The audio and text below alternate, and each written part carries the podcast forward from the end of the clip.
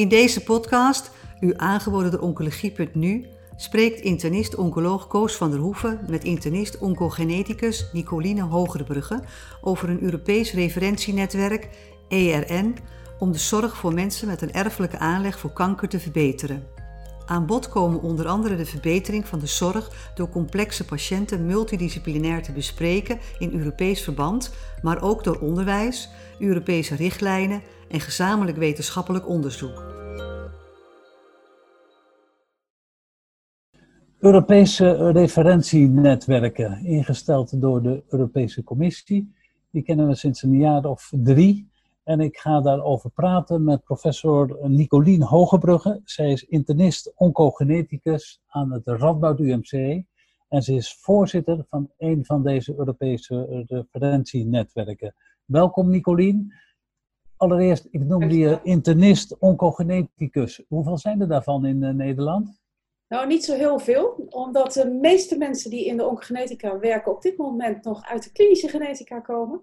Maar misschien in de toekomst meer. Dat zou fijn zijn, want dat maakt het vak uh, breder. En uh, dat is altijd beter, denk ik, voor een vak. Zeker in de oncologie. Oké. Okay. Die ERN's die zijn door de Europese Commissie ingesteld in 2017. Kan je daar iets over vertellen? Wat het doel daarvan is? Hoeveel er zijn? Dan gaan we dadelijk over de, de, de genetica praten. Ja, nou heel graag. De, het is precies zoals je zei, die Europese referentienetwerken voor zeldzame ziekten, die zijn in maart 2017 opgericht, juist voor zeldzame ziekten. Uh, in de verschillende landen van de EU is een behoorlijke variatie in kennis en kunde. En dat is met name in zeldzame ziekten. En dat is ongunstig voor de prognose en voor de kwaliteit van leven van patiënten. En daarmee is het doel van de ERN's uh, netwerken te ontwikkelen van expertisecentra die de zorg voor mensen met een zeldzame ziekte in de EU verbetert, ongeacht in welk land van de EU je leeft. Ja, dus je wil gelijkheid eigenlijk in behandeling en in kennis creëren. En ja. wat heeft de Europese Commissie daarvoor over? Daar heeft de commissie eh, voor over heel veel beleidstukken, heel veel denkwerk en gedachtengeld. Maar geld is eh, wel een punt van aandacht. Er is op dit moment alleen geld aanwezig voor de centrale managementtaken. Er zijn een heleboel taken aan monitoring en uh, uh, dat is op zich niet voldoende. Dus daar wordt nu intensief over gesproken. Maar het ziet er niet naar uit dat de EU zal gaan betalen voor patiëntenzorg, omdat in de EU is afgesproken dat zorgverlening een nationale verantwoordelijkheid is. Dus, dus het gaat echt op een hoger niveau brengen van kennis en dat ondersteuning, maar het gaat niet om de zorg. Hoe, hoeveel van die ER... patiëntenzorg niet, nee. nee. Ja. Hoeveel van die ERN's zijn er? Er zijn er 24 op, in alle categorieën van zeldzame ziekten. Dus ook voor zeldzame hartafwijkingen, huidziekten, epilepsie, immuunziekten. En er zijn er vier die gerelateerd zijn aan kanker. Dat is uh, mijn ERN, ERN Genturus voor erfelijke kanker, maar ook PETCAN voor pediatric cancer, geleid vanuit Oostenrijk door Ruud Ladenstein. Euracan voor uh, rare cancers, geleid vanuit Frankrijk door Jean-Yves Blaise. En Eurobloodnet voor de zeldzame hematologische ziekte. En dat wordt ook vanuit Frankrijk geleid door Pierre Chenot. Jij bent vanaf het begin ben je voorzitter van de ERN Genturis. Waar staat dat voor, Genturis? Dat staat voor genetische tumorrisicosyndroom. Ja. En die naam is uh, uh, gekozen om hem duidelijk onderscheidend te maken van rare cancer. Rare cancers, dat zijn echt zeldzame kankers. Terwijl de genetische tumorrisicosyndromen vaak leiden tot hele, heel vaak voorkomende vormen van kanker, maar met een hele zeldzame oorzaak, namelijk erfelijkheid. Dus om dat goed te onderscheiden, hebben we uh, deze titel gekozen. En omvat dat dan in principe alle tumoren waarvan bekend is dat er een genetisch risico in zit? Precies, ja. ja, ja. Um, er zijn een aantal centra. Hoeveel zijn er in Nederland die uh, hier aan meewerken? Op dit moment zijn er drie centra lid van deze ERN. Uh, dat is uh, Rotterdam, Erasmus, Groningen, het UMCG en natuurlijk Nijmegen, het Radboud UMC. En als ik nou voor de Nederlandse situatie kijk, wat, wat merken wij daarvan? Wat merken patiënten daarvan? Wat merken dokters daarvan? Um, dat zal steeds meer zijn. We zijn natuurlijk in 2017 begonnen met uh, zowel activiteiten op patiëntenzorg op onderwijs als op researchniveau. Voor wat betreft onderwijs kun je er nu het meest van merken. Voor wat betreft onderwijs geven we bijvoorbeeld twee keer per maand een gratis en voor niks weblecture. Die, waar voor iedere dokter zich in kan schrijven. En met name de assistenten en de fellows doen dat in grote getalen. Echt honderden per keer. Gisteren hadden we er weer één. Mhm. Eh, daarnaast geven we les, bijvoorbeeld uh, geef ik een preceptorship voor de ESMO. Eén keer per twee jaar. Uh, en geef ik een, een, een, cursus voor de ESG, de European Society of Human Genetics. Waar met name mensen in de genetica naartoe kunnen. Maar de ESMO zijn natuurlijk vooral medisch oncologen. Daarnaast schrijven we richtlijnen. We hebben net twee richtlijnen zijn klaargekomen. Dat is een richtlijn voor patiënten met Cowden-syndroom. Veroorzaakt door een PTEN-mutatie met een enorm hoog risico op schildklier, darm, borst en endometriumcarcinoom. En er is ook net een richtlijn voor Liefraumenie-syndroom. Dus patiënten met een afwijking, eh, een kiembaanafwijking in TP53. En met name die richtlijnen is iets waarvan ik denk dat we er heel veel mee te maken zullen gaan krijgen. Want de hoop is dat die Europese richtlijnen de nationale richtlijnen gaan voeden of vervangen.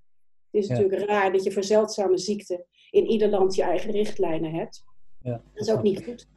Want als iedereen het een beetje anders doet, dan kan je er zo weinig van leren. Ik wilde dadelijk een paar van die zeldzame tumorrisicosyndromen bij de hand nemen. Maar ik wilde eerst nog een vraag stellen, dat, dat genetische risico voor patiënten. Hoe identificeer je nou al die patiënten die dat hebben? Dat is een enorm groot punt van aandacht. Op dit moment is dat ook een taak, vind ik, van de ERM om de herkenning van mensen met een, uh, een erfelijke aanleg voor kanker beter te vergemakkelijken en te verbeteren. Want op dit moment weten we dat voor de meeste tumorrisicosyndromen geldt dat het overgrote meerderheid van de patiënten nog niet als zodanig herkend is. En dat geeft een verslechtering van prognose, levert later wanneer je de kanker herkent. En het ontneemt familieleden de mogelijkheden om, om kanker te voorkomen. Dus dat is ongelooflijk belangrijk en daar stoppen we veel tijd en energie in. Want je zegt een, een, een belangrijk deel is niet herkend. Kan je nog eens uitleggen hoe het nou kan dat we dat, dat niet weten? Dus um, als het een erfelijk risicosyndroom is, dan ga je ervan uit dat er in de familie al iemand is die dat heeft. Hoe kan het dan toch dat we dat niet weten? Het is geen verwijt, maar probeer het eens uit te leggen. Ja, ik denk dat er niet één reden is, maar dat er vele redenen zijn. Uh, en dat het voor het ene tumorrisicosyndroom weer een beetje anders ligt dan voor het andere. Als ik kijk naar bijvoorbeeld uh, ovariumcarcinoom veroorzaakt door BRCA, dan weten we dat toen we nog dachten dat we gewoon iedereen in Nederland moesten gaan verwijzen voor een BRCA-test. En we dachten dat we dat toch tenminste bij 80% van de mensen zouden doen met een eierstokkanker, bleek dat toch in de praktijk niet het geval te zijn. Je hebt in de behandeling als oncoloog of als gynaecoloog wel wat anders aan je hoofd dan ook hieraan denken. Of de patiënt wil het nog even uitstellen en dan raakt het later in de vergetelheid. Dat hebben we enorm kunnen verbeteren door nu te starten met tumortesten. Als je kijkt naar mijn stop. Leg dat nog even eens uit, want niet iemand weet dat. Nee. Niet iedereen weet dat. Nou, we hebben nu in Nederland afgesproken dat we, en daar hebben we een, eh, een KBF-implementatieproject nu voor, waar we mee bezig zijn. Het is ontwikkeld in Nijmegen. Maar wanneer je iedere patiënt met eier, epitheliaal eierstokkanker, wanneer je daar in de tumor kijkt of er sprake is van een BRCA1 of BRCA2 mutatie, dan blijkt dat dat bij ongeveer 17% aan de hand is. En als je bij die 17% er nou voor zorgt dat die allemaal verwezen worden voor een genetische test naar een klinisch geneticus, dan gaat dat heel goed. En dan hoef je dus bijna 80% niet te verwijzen. Die bespaar je dus een heleboel. Plus, de medisch oncoloog weet direct bij ieder ovariumcarcinoom of er sprake is van homologe recombinatieafwijking. Met ook eventueel consequenties voor therapie. Voor, voor therapie. Ja. Dus op die manier verbeter je de herkenning van mensen met een erfelijke aanleg.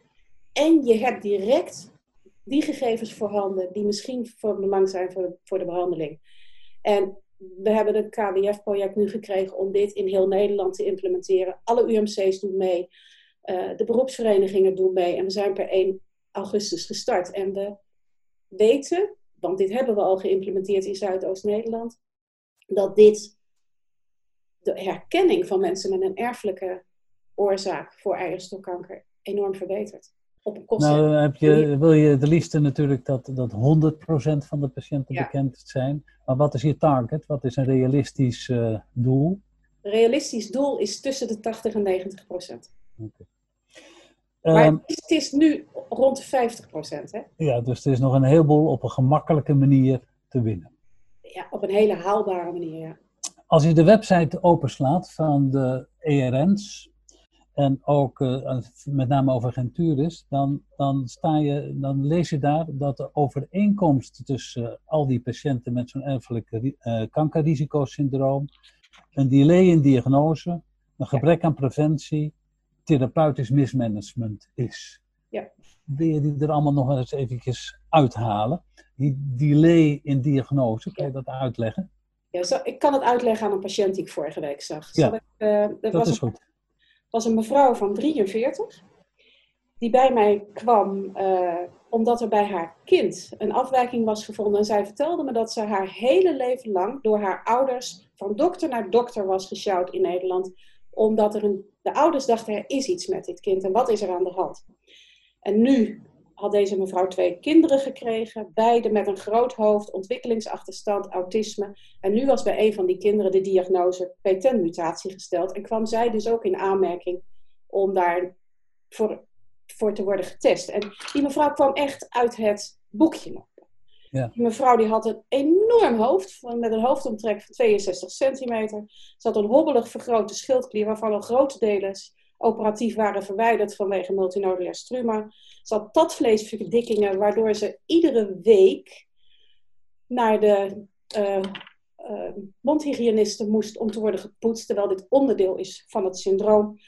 En ik wist dat ze een verhoogd risico had op meerdere vormen van kanker. En toen ik haar nakeek, bleek ze de mammacarcinoom te hebben. Ja, ja. Ik hoef niemand die hier naar luistert uit te leggen dat die prognose nu aanzienlijk slechter is, nu ik het kon voelen. En Ja. natuurlijk ook kon zien op, de, op de afbeeldend onderzoek, dan wanneer de diagnose eerder was gesteld. De diagnose was Cowden-syndroom op basis van een PTEN-mutatie. En wanneer zij gewoon de surveillance had gekregen die we daar met z'n allen voor af hadden gesproken. Dan, eh, dat, dat snap ik. Dus je zegt eigenlijk als deze patiënt eerder eh, onderkend was als hebbende een hoog risico, dan had je surveillance gedaan, dan had je in een vroeger stadium die diagnose kunnen stellen. Je noemt nu al die symptomen op, maar ja, dat is toch niet zo makkelijk voor de Nee. individuele dokter om dat te herkennen. Nee, en dat is natuurlijk het lastige bij zeldzame ziekten. Het is, er zijn wel 9000 zeldzame ziektes. Die kan je niet allemaal kennen. Nee, Maar het niet-pluisgevoel, deze mevrouw is echt van dokter tot, tot dokter gegaan. En dan toch bij jezelf afvragen, wat kan het nou wel zijn? En daar experts op benaderen, dat is iets wat we als ERM goed kunnen doen. En wat ook een van de doelen is van de ERM's. Niet alleen het zorgen voor onderwijs, maar ook zorgen voor een verbetering van de directe zorg van enkele patiënten. Wat we hebben is een maandelijks MDO.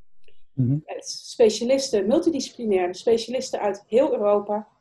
Waarbij we die patiënten waar niemand uitkomt, of die complex zijn, of moeilijk, of extra vragen, met elkaar bespreken. En ik heb de stellige hoop en verwachting dat dat voor die individuele patiënten de zorg echt een niveautje hoger kan brengen. snap ik. Ik kom nog even terug op die, die patiënt en op dat gemeenschappelijke Ja. kenmerk, de, de, de herkenning, eh, Ja. surveillance hebben we het over gehad, maar er wordt ook genoemd therapeutisch mismanagement. Kan je dat Ja. nog toelichten? Uh, mismanagement is misschien een woord wat er niet letterlijk staat, maar waar ik wel een gevoel bij heb. Uh, wat je Nou, het staat er wel letterlijk, want anders was ik er niet op gekomen. Oké, oké. Uh, wat we bedoelen in ieder geval is dat je soms meer kan als je weet wat de genetische diagnose is. We hadden het er net al over PARP-remmers bij patiënten met eierstokkanker op basis van een BRCA1 of BRCA2-mutatie. Voor patiënten met een PTEN-mutatie ligt het in de nabije toekomst dat we daar mTOR-inhibitors voor kunnen gaan gebruiken. En actremmers. Ja, ik denk op het moment dat je de genetische diagnose hebt, geldt ook voor Lynch-syndroom met uh, immuuntherapie. Op het moment dat je de genetische dosis, diagnose hebt, heb je een grotere kans op personalized medicine dan Dus precisie, die- die- precision medicine kan Ja. makkelijker ingezet worden als je het ook echt goed weet. Ja. Eh, nou heb ik begrepen dat er al heel erg gewerkt is aan de richtlijnen voor vier syndromen. Dat is neurofibromatosis, Lynch, het erfelijk ovarium- en borstkankersyndroom. En je noemde ook PTEN. Maar er Ja. liggen er nog een heleboel in het verschiet. Klopt dat? Nou, we hebben nu eh, twee richtlijnen klaar. Dat is voor Lieferharmonie-syndroom en voor PTEN.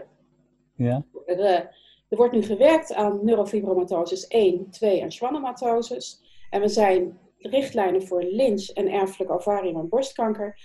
Ja, ik weet het Nederlandse woord er helaas niet voor aan het endorsen. Er zijn gewoon goede richtlijnen waarvan wij kijken, voldoen die aan de regels die je daarvoor zou willen stellen? En dan worden die endorsed om niet dubbel werk te hoeven doen voor richtlijnen die Dus als die bij de ESMO er zijn, of als die binnen het ERN ontwikkeld zijn, adopteer ze in Nederland en ga geen nieuwe maken. Precies. Maar Dat ja. is heel mooi. nog even als we die patiënten nou geïdentificeerd hebben. Ja. Moeten die dan altijd eh, voor de surveillance, als dat nuttig geacht wordt, eh, en de behandeling in één van die drie ERN-centra komen? Of kan dat ook op een andere manier? Nee, dat is zeker niet de bedoeling. We zijn eh, op dit moment in Nederland bezig met een, in kaart te brengen. Dat doen we samen met VWS en met de NFU. eh, om in kaart te brengen hoe we nou kunnen zorgen dat de expertisecentra in Nederland, dat zijn er veel meer dan die lid zijn van een ERN, dat die goed aangehaakt worden aan de ERN's, zodat de patiënt zo min mogelijk hoeft te reizen, maar vooral de kennis gaat reizen. En niet iedere patiënt op één of twee punten in Nederland hoeft te worden behandeld. Ja. Voor hele zeldzame ziektebeelden heeft dat wel de voorkeur. Maar dan gaat het over enkele patiënten in Nederland. Ja. Voor En de, er is natuurlijk altijd voor de diagnosestelling is er natuurlijk ook eh, genetisch onderzoek noodzakelijk. Hè? Er is laboratoriumdiagnostiek noodzakelijk om de vermoede diagnose te bevestigen. Ja, en dat is op dit moment eh, alleen in de academische centra, plus het NKI aanwezig. eh Ja. AVO. Ja. Ehm, goed, dus de mensen die kunnen ook elders terecht. Eh, je hebt al iets verteld over dat maandelijkse MDO. En eh, doen er alle landen aan mee? Ja, daar doen alle landen die lid zijn van de ERN doen daar aan mee. En op dit moment zijn er, hebben we 32 leden uit 20 Europese centra. En we zijn nu midden in een procedure voor het aanstellen van nieuwe leden.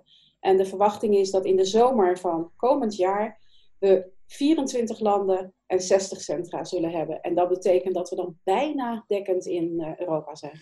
En wat moet ik me daarbij voorstellen als ik nou een, een moeilijke patiënt heb waarvan ik denk dat hij misschien een erfelijk syndroom heeft en ik kan het niet vinden, dat je dat kan presenteren en kan overleggen? Ja, dat kan je, de dokter kan, dat, eh, kan contact opnemen, kan dat presenteren en overleggen. Patiënten hebben geen toegang tot het CPMS, eh, maar de artsen wel. En op de website www.genturus.eu staat precies hoe je dat zou kunnen doen. Eh, we filteren dat wel, omdat als we denken dat het een vraag is die niet zozeer in het MDO hoeft te worden behandeld, maar ook door één iemand kan worden behandeld, geven we die antwoorden sowieso en overleggen we met de vraagsteller of dit een voldoende antwoord is, om te voorkomen dat we patiënten op dat MDO zetten. Dat is natuurlijk kostbare tijd waar we eigenlijk het MDO niet voor nodig hebben. Dus er is een soort triage. Ik kan me voorstellen dat ehm, patiënten en hun familieleden meer hierover willen weten. Hoe zouden zij nader informatie kunnen krijgen? Ja, ook via de website. Eh, op die website eh, is een patiëntenstuk en er is een eh, professional stuk. En we hebben die site vertaald in al vele talen van de EU. Eh, nog niet alle, daar zijn we nog mee bezig. Maar het doel is om alle talen van Europa de website vertaald te hebben, zodat iedereen de informatie daar kan halen. Je hebt al verteld dat je vanaf het begin voorzitter bent van eh, dit netwerk. Dat is een hele klus. Eh, dus dat heb je eigenlijk al uitgelegd. We hebben ook P10 al even ter sprake gehad, want eh, daar speel je ook een belangrijke rol in. Kan je daar nog iets over zeggen? Uh, ik ben inderdaad uh, vanaf 2015 heb ik het initiatief genomen voor dit netwerk en in 2017 uh, benoemd. Was overigens wel fantastisch. Daar moest ik voor naar Litouwen. En onder de klanken van Alle Mensen weer de Broeder kreeg ik een soort diploma uitgereikt van de Eurocommissaris. Wij zijn dit in Nederland helemaal niet gewend, zoiets. Nee. Het gaf mij het gevoel dat ik mijn zwemdiploma kreeg. Maar dan op een beetje andere manier. En dat ik nu dus echt moest gaan leren zwemmen. Ja. dat was fantastisch. sindsdien leid ik dus de, de ERN Gentures en ik ben op dit moment voorzitter uh, als primus inter pares van alle ERN's uh, in Europa, zodat ik direct contact heb met uh, Brussel en met VWS. En ja. ja. dat is natuurlijk fantastisch om veel te Nou, dat is een hele belangrijke taak. Maar dat P10, dat is, ja. ja. een hobby is niet het juiste woord. Daar heb je heel veel kennis over. Wil je daar nog iets over vertellen? Ja, op dit moment is zij, P10 is, of PHTS netjes gezegd, P10 hamartomatoos tumorsyndroom. Het is bijna niet uit te spreken. Zeker niet voor patiënten. Vroeger nee. noemden we het Cowden-syndroom. Maar er bleken meerdere syndromen onder te vallen. Dus toen is die paraplu gekozen. Dat is een syndroom ontzettend zeldzaam. En die patiënten hebben echt een zwaar leven. Ze hebben niet alleen een verhoogd risico op borstkanker, baarmoederkanker, darm, nier- en schildklierkanker. Vaak ook zijn ze wat autistisch en zijn ze wat motorisch onhandig. Ja. Dat maakt dat dat alles behalve een makkelijk leven is. En er veel moet gebeuren voor die mensen om op de rit te worden gezet. En als je autistisch bent, is dat nog lastiger ja. dan wanneer je dat niet bent. Die zorg hebben we gecentraliseerd in, in Nijmegen. En dat betekent dat vanuit heel Nederland uh, patiënten naar Nijmegen worden verwezen. Om te zorgen dat we het eenmalig in kaart brengen en patiënten zo goed mogelijk adviseren. Daarnaast is het ook in het UMCG zo dat een van de endocrinologen daar zich gespecialiseerd heeft in dit syndroom. Maar in principe zijn we nu in Nederland als Radboud UMC het centrale aanspreekpunt voor mensen met dit zeldzame tumorrisico. Hoeveel, van, hoeveel patiënten zijn daarvan ongeveer in Nederland? Uh, we denken dat er rond de 400 zouden moeten zijn en ik ken er nu 250. Oké, dus daar is ook nog wel wat te winnen. Ja, zeker. Nou, ik denk dat we een hele mooie doorkijk hebben gekregen in een belangrijk gebied. Er zijn een heleboel erfelijke tumorsyndromen. En daar wordt steeds meer aandacht aan besteed. En door de krachten te bundelen gaat het steeds beter. En het is mooi dat een Nederlander daar zo'n vooraanstaande rol in kan spelen. Nicolien, heel hartelijk dank voor dit interview. Heel graag gedaan en ik doe dit werk ook heel graag. Oké, dankjewel. Bent u geïnteresseerd in meer podcasts? Deze zijn te vinden op de website oncologie.nu.